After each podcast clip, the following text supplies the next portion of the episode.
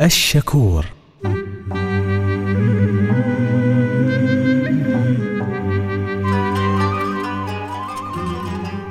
صار لك إنك سويت خير في حد ونكر الخير اللي سويته؟ أو كلمة شكرا؟ أو ما قصرت؟ صعبة عليهم؟ حتى ابتسامة الشكر ثقيلة عليهم؟ لا تشغل نفسك ولا بالك فيهم ولا تحاول إنك تلومهم. روح على طول للشكور. الشكور سبحانه اسم عظيم تأمل فيه عش مع الشكور.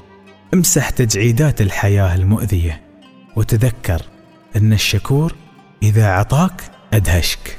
سبحانك ربي الشكور.